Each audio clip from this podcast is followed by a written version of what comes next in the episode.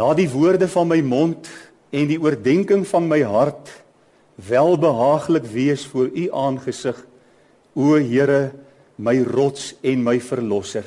Geliefde gemeente, genade vir u en vrede van God ons se Vader en ons Here Jesus Christus. Dit word aan u geskenk en ryklik vermenigvuldig deur die kragtige werking van die Heilige Gees. Amen. Nou gemeente, dit pas ons as die Here ons gegroet het met 'n seëngroet dat ons vanmôre sy naam sal loof en sal groot maak. Ek wil u nooi en dan sing ons hartlik saam Psalm 146, die eerste en die vierde vers. Prys die Heer met blye galme, o my siel, daar's ryke stof. Thank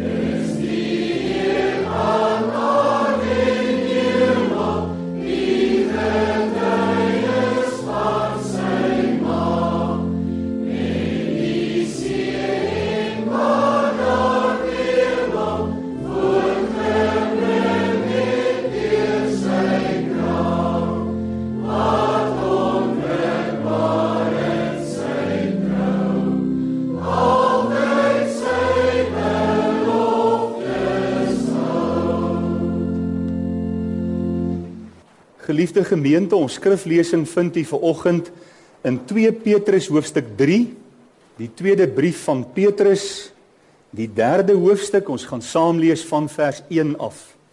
Dit is reeds die tweede brief geliefdes wat ek aan julle skrywe. In albei wil ek deur herinnering julle suiwere gesindheid opwek sodat julle die woorde kan onthou wat deur die heilige profete tevore gespreek is en die gebod van ons apostels van die Here en verlosser. Dit moet julle veral weet dat daar aan die einde van die dae spotters sal kom wat volgens hulle eie begeerlikhede wandel en sê: "Waar is die belofte van die wederkoms?" Want vandat die vaders ontslaap het, bly alles soos dit was van die begin van die skepping af. Want moetswillig vergeet hulle dat daar van lankal af hemele was en 'n aarde wat uit water en deur water ontstaan het deur die woord van God. Waardeur die toenmalige wêreld met water oorstroom is en vergaan het.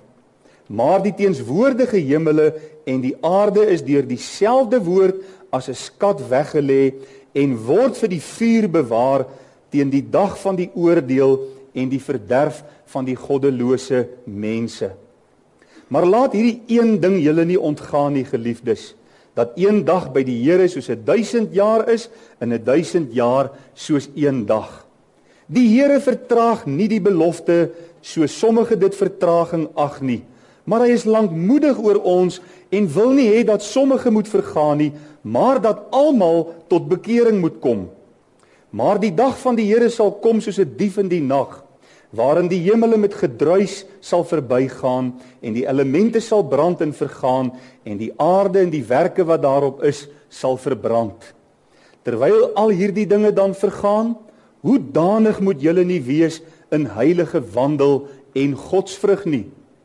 Julle wat die koms van die dag van God verwag en verhaas, waardeur die hemele deur vuur sal vergaan en die elemente sal brand en versmelt.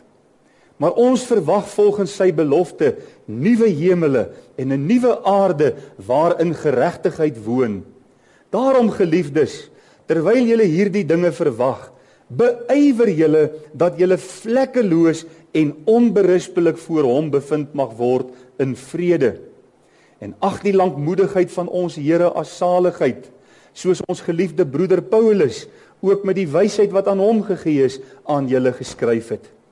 Net soos in al die briewe, hy spreek daarin oor hierdie dinge waarvan sommige swaar is om te verstaan, wat die ongeleerde en onvaste mense verdraai, net soos die ander skrifte tot hulle eie verderf.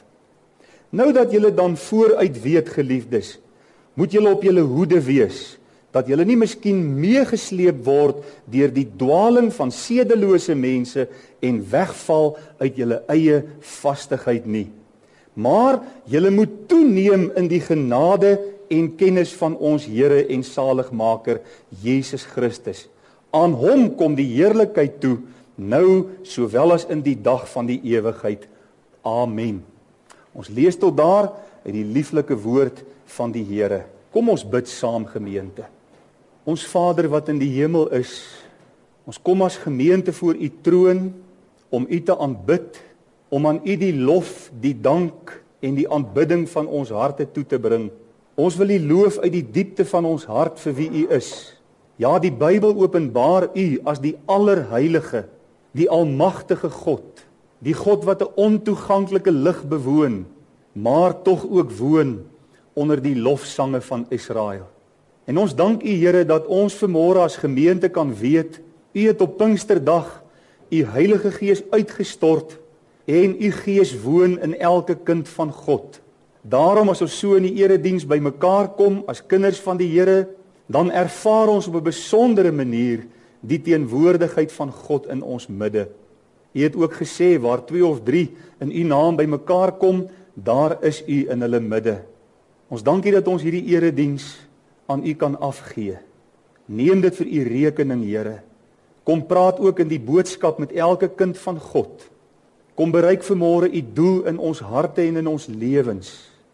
Ons bid vanmôre, Here, vir U kerk op aarde. Ons bid vir elke kerk waar U woord in krag en in waarheid verkondig word. Ons bid vir U kinders oor die wêreld heen in elke land.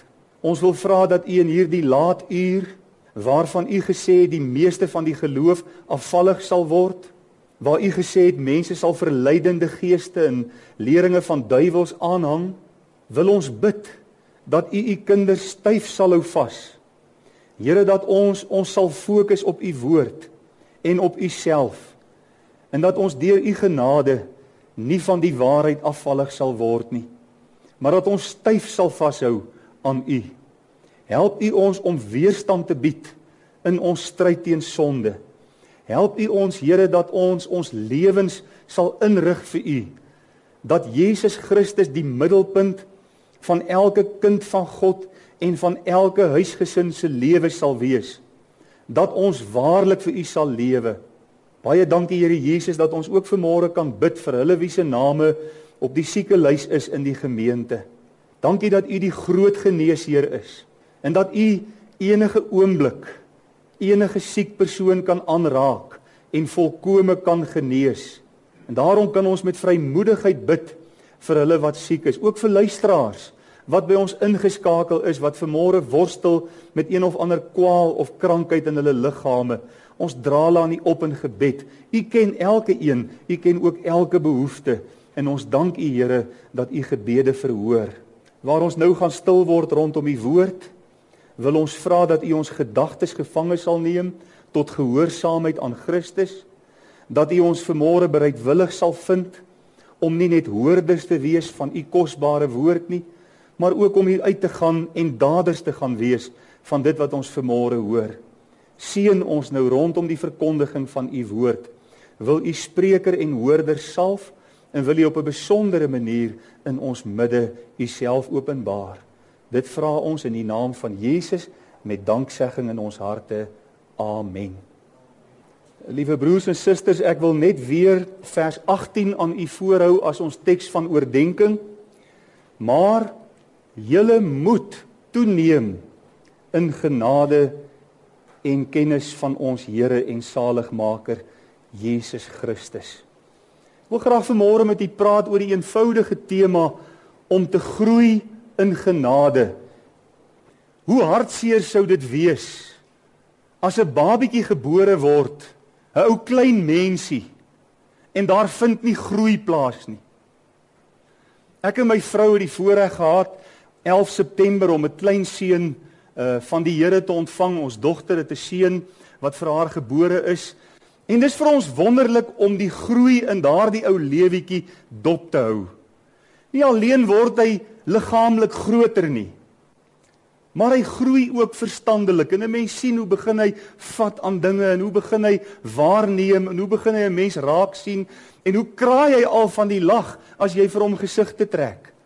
Hoe wonderlik is dit om te sien dat daar groei plaasvind. En so is dit ook in kinders van die Here se lewe. Kyk die Here angstig na ons lewens en kyk hy na elke geestelik geborene of daar ook dan groei in daardie lewens plaasvind. Dit is net soos 'n boer, as 'n boer by sy landery kom en hy plant daardie mieliepitte of koringkorrels of wat dit ook al is waarmee hy boer, dan gaan die boer gereeld angstig na sy land om te gaan kyk of daar al klein plantjies opkom en of daar 'n oes gaan wees. En so kyk die Here met verwagting of ons groei in genade en kennis van ons Here Jesus Christus. Ons gaan vanmôre na enkele gedagtes kyk uit die gedeelte wat ons saam gelees het en mag die Here gee dat elke kind van God wat hier in die kerk bymekaar is vanmôre en wat ook op die radio by ons ingeskakel is, met angstigheid sal soek om te groei in genade, om toe te neem in genade en kennis van ons verlosser. In die eerste plek wil ons net vinnig kyk wat beteken dit om te groei in genade. En ek dink dit sal dalk belangrik wees om as ons na hierdie vraag kyk wat beteken dit om in genade te groei, net eers vir mekaar te sê wat beteken dit nie. Dit beteken nie om meer gered te wees as die dag toe die Here my siel uit genade gered het nie. As die Here in 'n mens se lewe ingryp en hy red jou kosbare siel, Hy skenk jou die gawe van wedergeboorte. Hy maak jou sy kind. Dan's dit 'n volkomme werk wat God doen. Dan's jy algeheel sy kind. Dan's jou sondes algeheel vergewe. Die Here sê ek werp dit in die dieptes van die see. Ek dink nooit weer daaraan nie. Ek verwyder dit so ver soos die ooste van die weste verwyder is. Dit kom nooit weer by mekaar uit nie. So dit beteken nie om meer gered of meer vergewe te word as wat jy was nie. Maar dit beteken dat daardie genadegawes wat die Heilige Gees in 'n mens se hart kom plant het by jou wedergeboorte. En ons gaan net nou kyk wat is hierdie genadegawes. Dat dit sal toeneem dat dit sal groei dat dit tot wasdom sal kom dat daar vrug in ons lewens sal opduik. Jesus het gesê julle is die sout van die aarde En wanneer ons groei in genade, wanneer hierdie genadegawes wat die Heilige Gees in ons harte kom plant het by ons redding, wanneer dit groei en wanneer dit toeneem, dan kan kinders van God 'n verskil gaan maak in die wêreld daar buite. Die tyd het aangebreek dat kinders van die Here sal toeneem en sal groei in genade sodat ons die sout van hierdie aarde kan wees, dat ons die lig van hierdie wêreld kan wees, daar waar die Here ons geplant het, sodat ons ander mense na die Here toe kan lei, sodat ander mense gered kan word en sodat ons land op daardie manier van binne af innerlik genees kan word. Dit bring ons dan by die tweede gedagte waarby ons kortliks wil stil staan. Wat se genadegawes het die Heilige Gees in ons harte kom plant wat die Here wil hê moet groei en moet toeneem en vrug moet oplewer. En ons gaan net na enkeles kyk. Ons ongelukkig nie tyd om na alles te kyk nie, maar kom ons kyk na enkele belangrike genadegawes wat moet groei en wat moet toeneem en wat dan beteken ons groei in genade. Ons neem toe in genade. Die eerste is ons moet groei in liefde. 1 Tessalonisense 4 vers 9. Oor die broederliefde het julle nie nodig dat ons aan julle skrywe nie, want julle is self deur God geleer om mekaar lief te hê. Ons het dit vanmôre ook in ons erediens by die ehm um, wet, die voorlesing van die wet het ons weer verneem dat die Here gesê het en julle moet julle naaste lief hê soos julle self. God verwag van sy kinders Hy verwag van mense wat uit hom gebore is. Mense wat deelgenote geraak het aan die goddelike natuur volgens 2 Petrus 3 om in liefde te groei en toe te neem. Hy sê oor die broederliefde is nie nodig nie. God het geleer ons met mekaar lief hê. En julle doen dit ook aan al die broeders in die hele Macedonië. Maar ons vermaan julle broeders, dis 1 Tessalonisense 4 vers 10 om oorvloediger te wees. Daar moet groei wees in ons liefde. Daar moet 'n toename wees in hierdie genadegawe van die liefde wat die Heilige Gees in ons harte kom plant het. Johannes 13 vers 35 sê die Here Jesus: "Hieraan sal almal weet. Die hele wêreld sal dit weet. Ons kollegas sal dit weet. Ons familie sal dit weet. Ons vriende, ons bure, almal sal weet dat ons sy disippels is as julle liefde onder mekaar het. O ons moet toeneem in liefde. En ek dink dit is iets wat Suid-Afrika dringend nodig het. Is 'n demonstrasie van die liefde van God wat in 'n lewe sy vasdra plek gekry het en wat 'n lewe kom verander het en wat van 'n hatige mens, moontlike hatige mens, 'n liefdevolle mens kom maak het. Daarom laat ons vanmôre die Here vashou as kinders van God om te groei en liefde. Ons land is vervul met haat. Ons land is vervul met woede. En dis net kinders van God wat toeneem in liefde en wat gaan insypel in hierdie wêreld wat 'n verskil kan maak. Geliefdes 12 disippels het die hele wêreld verander met die uitstorting van die Heilige Gees. 'n Groot gemeente kan ook sy omgewing verander as ons waarlik in God se liefde geanker is en ons daarin groei en daarin toeneem. In die tweede plek, ons moet groei in geloof. Dis die tweede genadegawe wat moet groei en wat moet toeneem in ons harte. Ons lees in 1 Tessalonisense 3 vers 10 en daar bid Paulus dat God nog sou aanvul wat in hulle geloof gebreek het of ontbreek het. En nou kom hy in 2 Tessalonisense 1 vers 3 en dan dank hy die Here. Ek wil hê jy moet mooi hoor wat staan hier. Ons moet God altyd oor julle dank, broeders, soos dit billik is, omdat julle geloof grootliks toeneem. Hoe word 'n mens gered? Dit is baie duidelik, die woord sê deur geloof. Ek moet 'n absolute vaste vertroue in my hart hê dat Jesus Christus in my plek aan die kruis betaal het vir my sondes.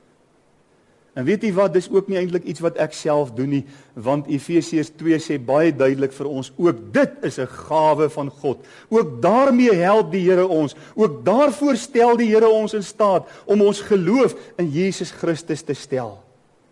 Maar geloof is onontbeerlik in 'n kind van God se lewe.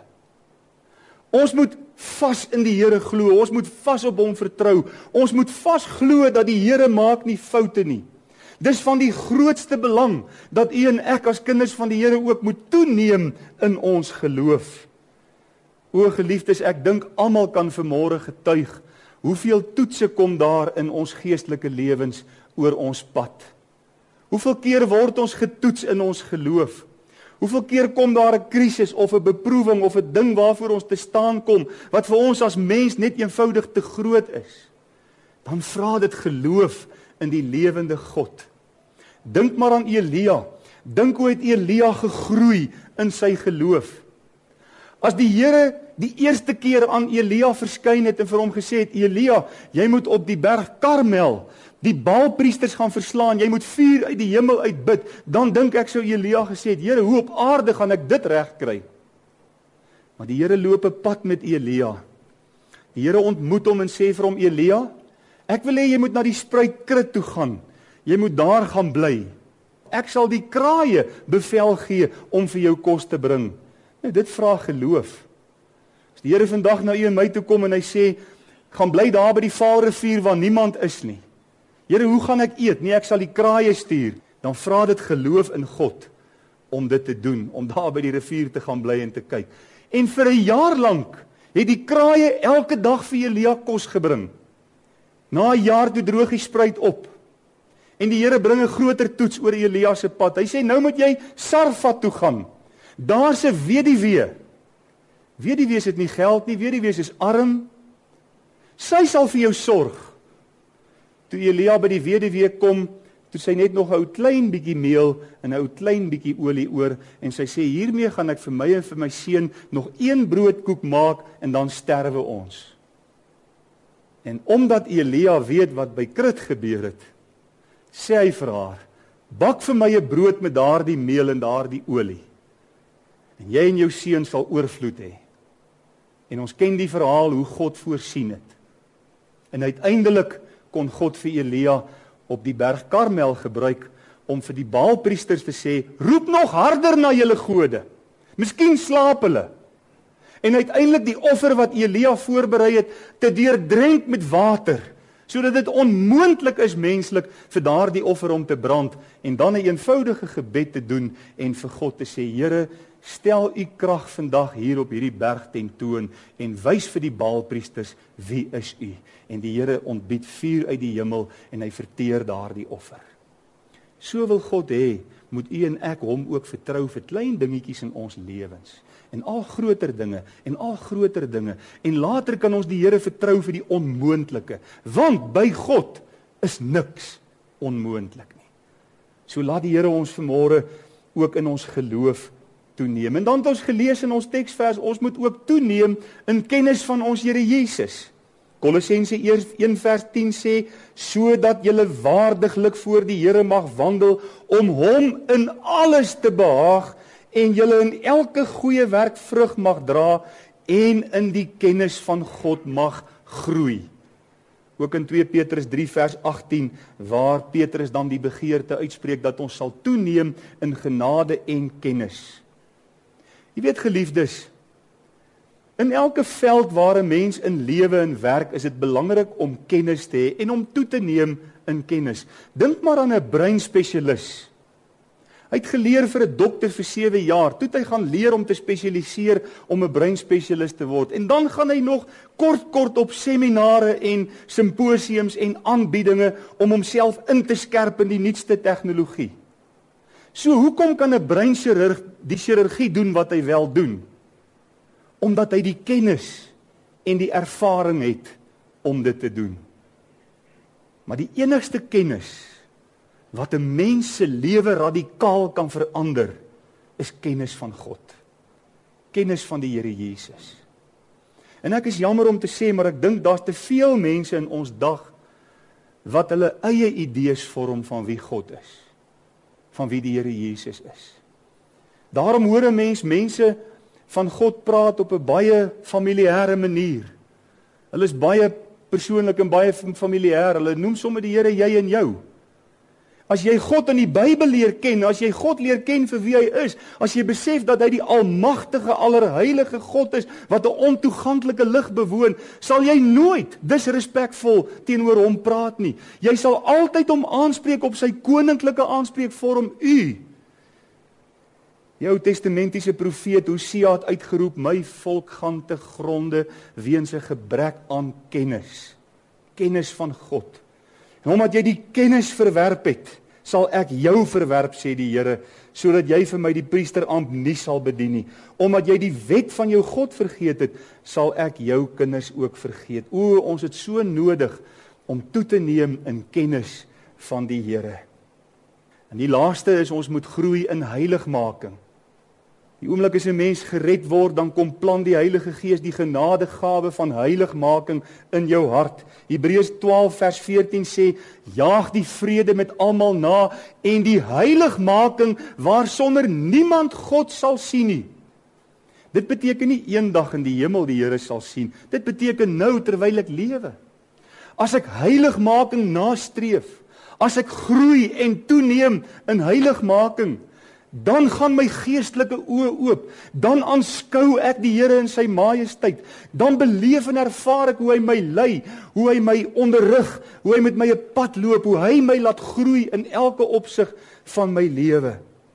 Die kernbetekenis van heiligmaking is om afgesonder te word vir die Here, om eenkant gesit te word vir God.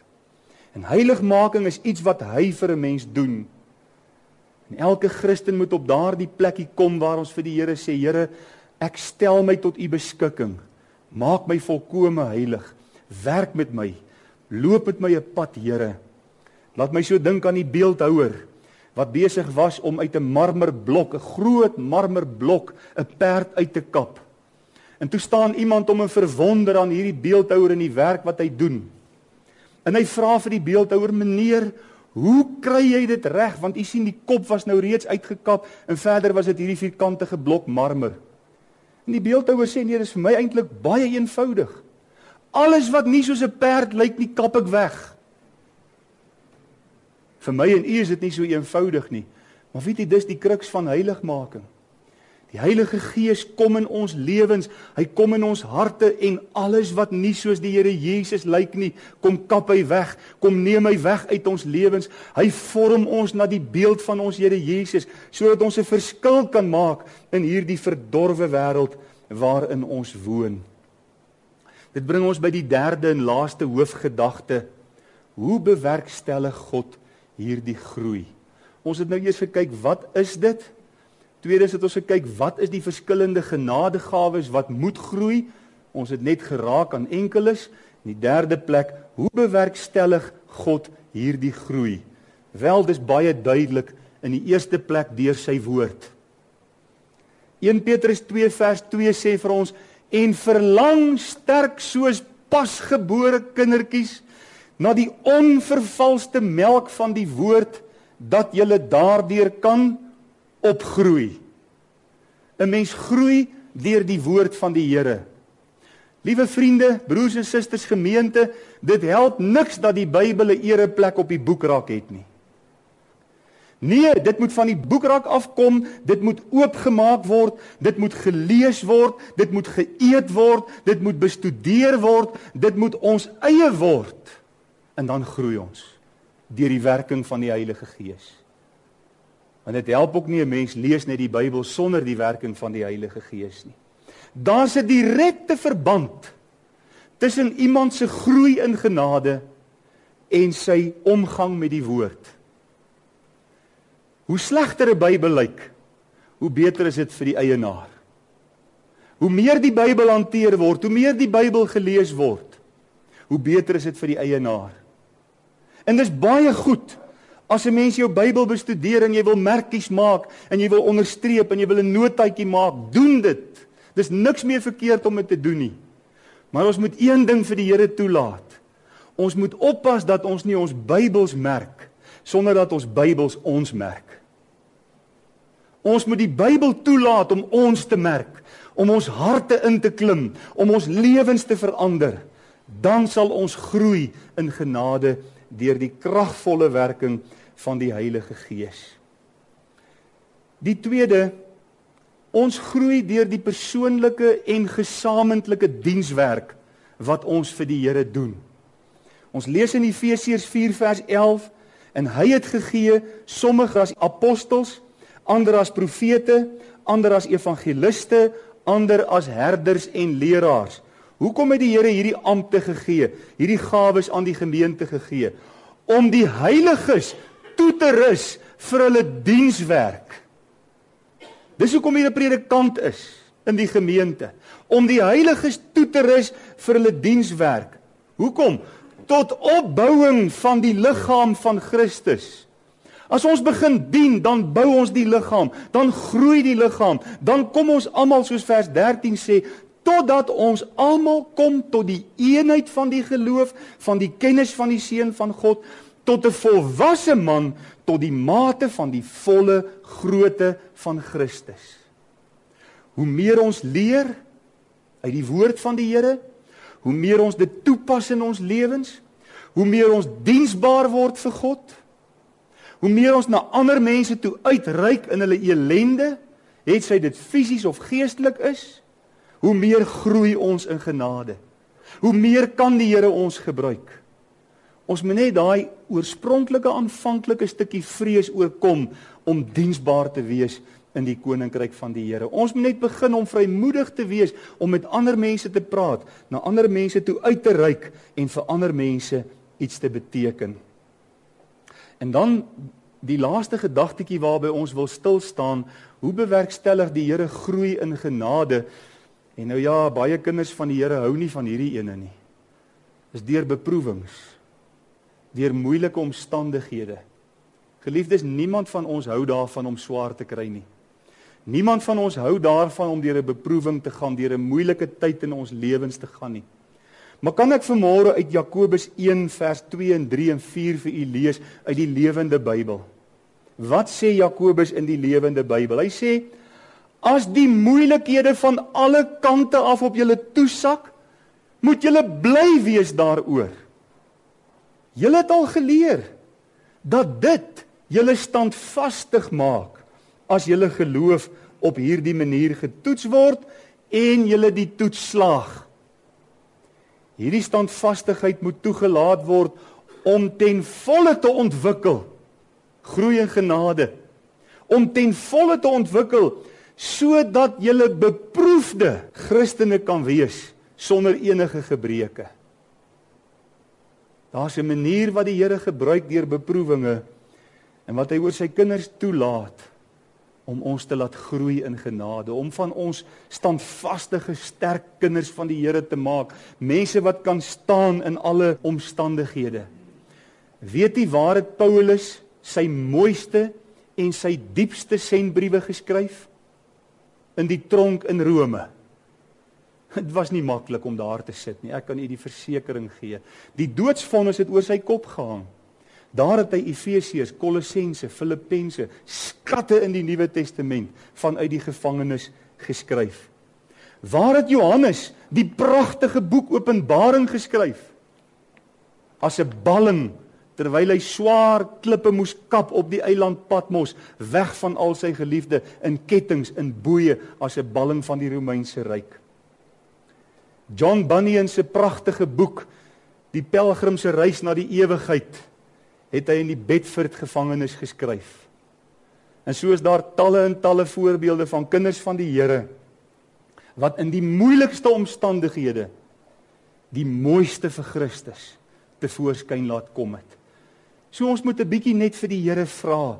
Here, as daar 'n beproewing oor ons lewens kom, as U ons op een of ander manier aan 'n toets onderwerp, gee ons die genade, gee ons die krag dat ons sal staande bly in U krag en daardeur groei ons en word ons volkome in die Here.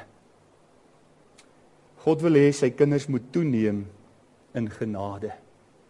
Dit beteken ons moet toeneem in liefde. Ons moet toeneem in ons geloof. Ons moet toeneem in kennis van God en in heiligmaking.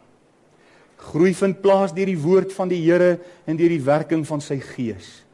Groei vind plaas in ons dienswerk as ons die Here apart individueel en as gemeente saam dien. Groei vind plaas deur die beproewinge wat die Here vir ons oor ons pad bytelmal toelaat. Wat het ons in Suid-Afrika nodig vandag? Kinders van God wat bereid is om te groei in genade. Kinders van God met geestelike diepte. Kinders van God wat 'n verskil maak daar waar ons elke dag leef. Ek sê 'n daadwerklike verskil in die krag van God se gees. Is u vanoggend beskikbaar vir die Here? Is u vanmôre bereid om vir die Here te sê ek kom meld my aan om te groei in genade, Here?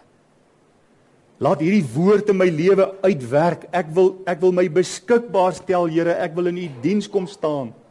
Ek wil 'n lewende getuie van die Here Jesus Christus wees. En as ons dit doen, kan ons in elke dorp en elke stad in hierdie land op 'n klein manier, op 'n klein skaal begin om so suurdeeg of eintlik so sout.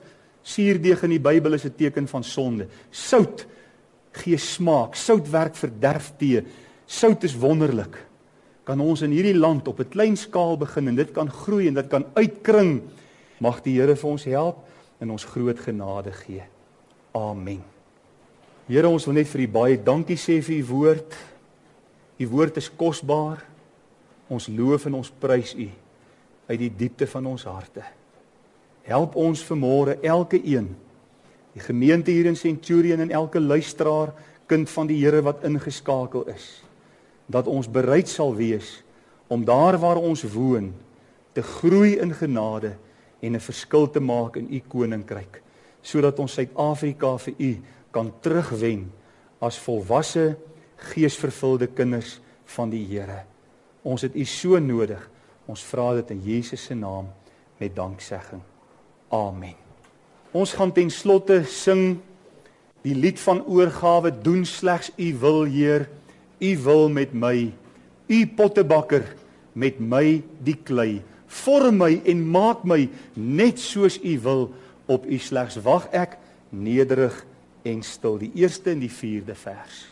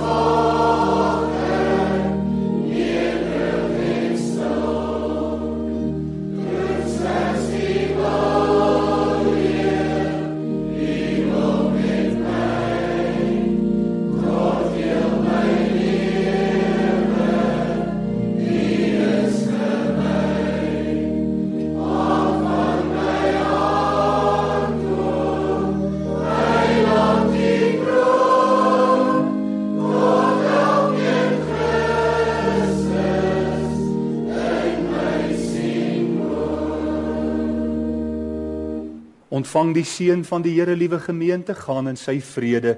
Die Here sal u seën en u behoed. Die Here sal sy aangesig oor u laat skyn en u genadig wees. Die Here sal sy aangesig oor u verhef en aan u sy vrede gee. Amen.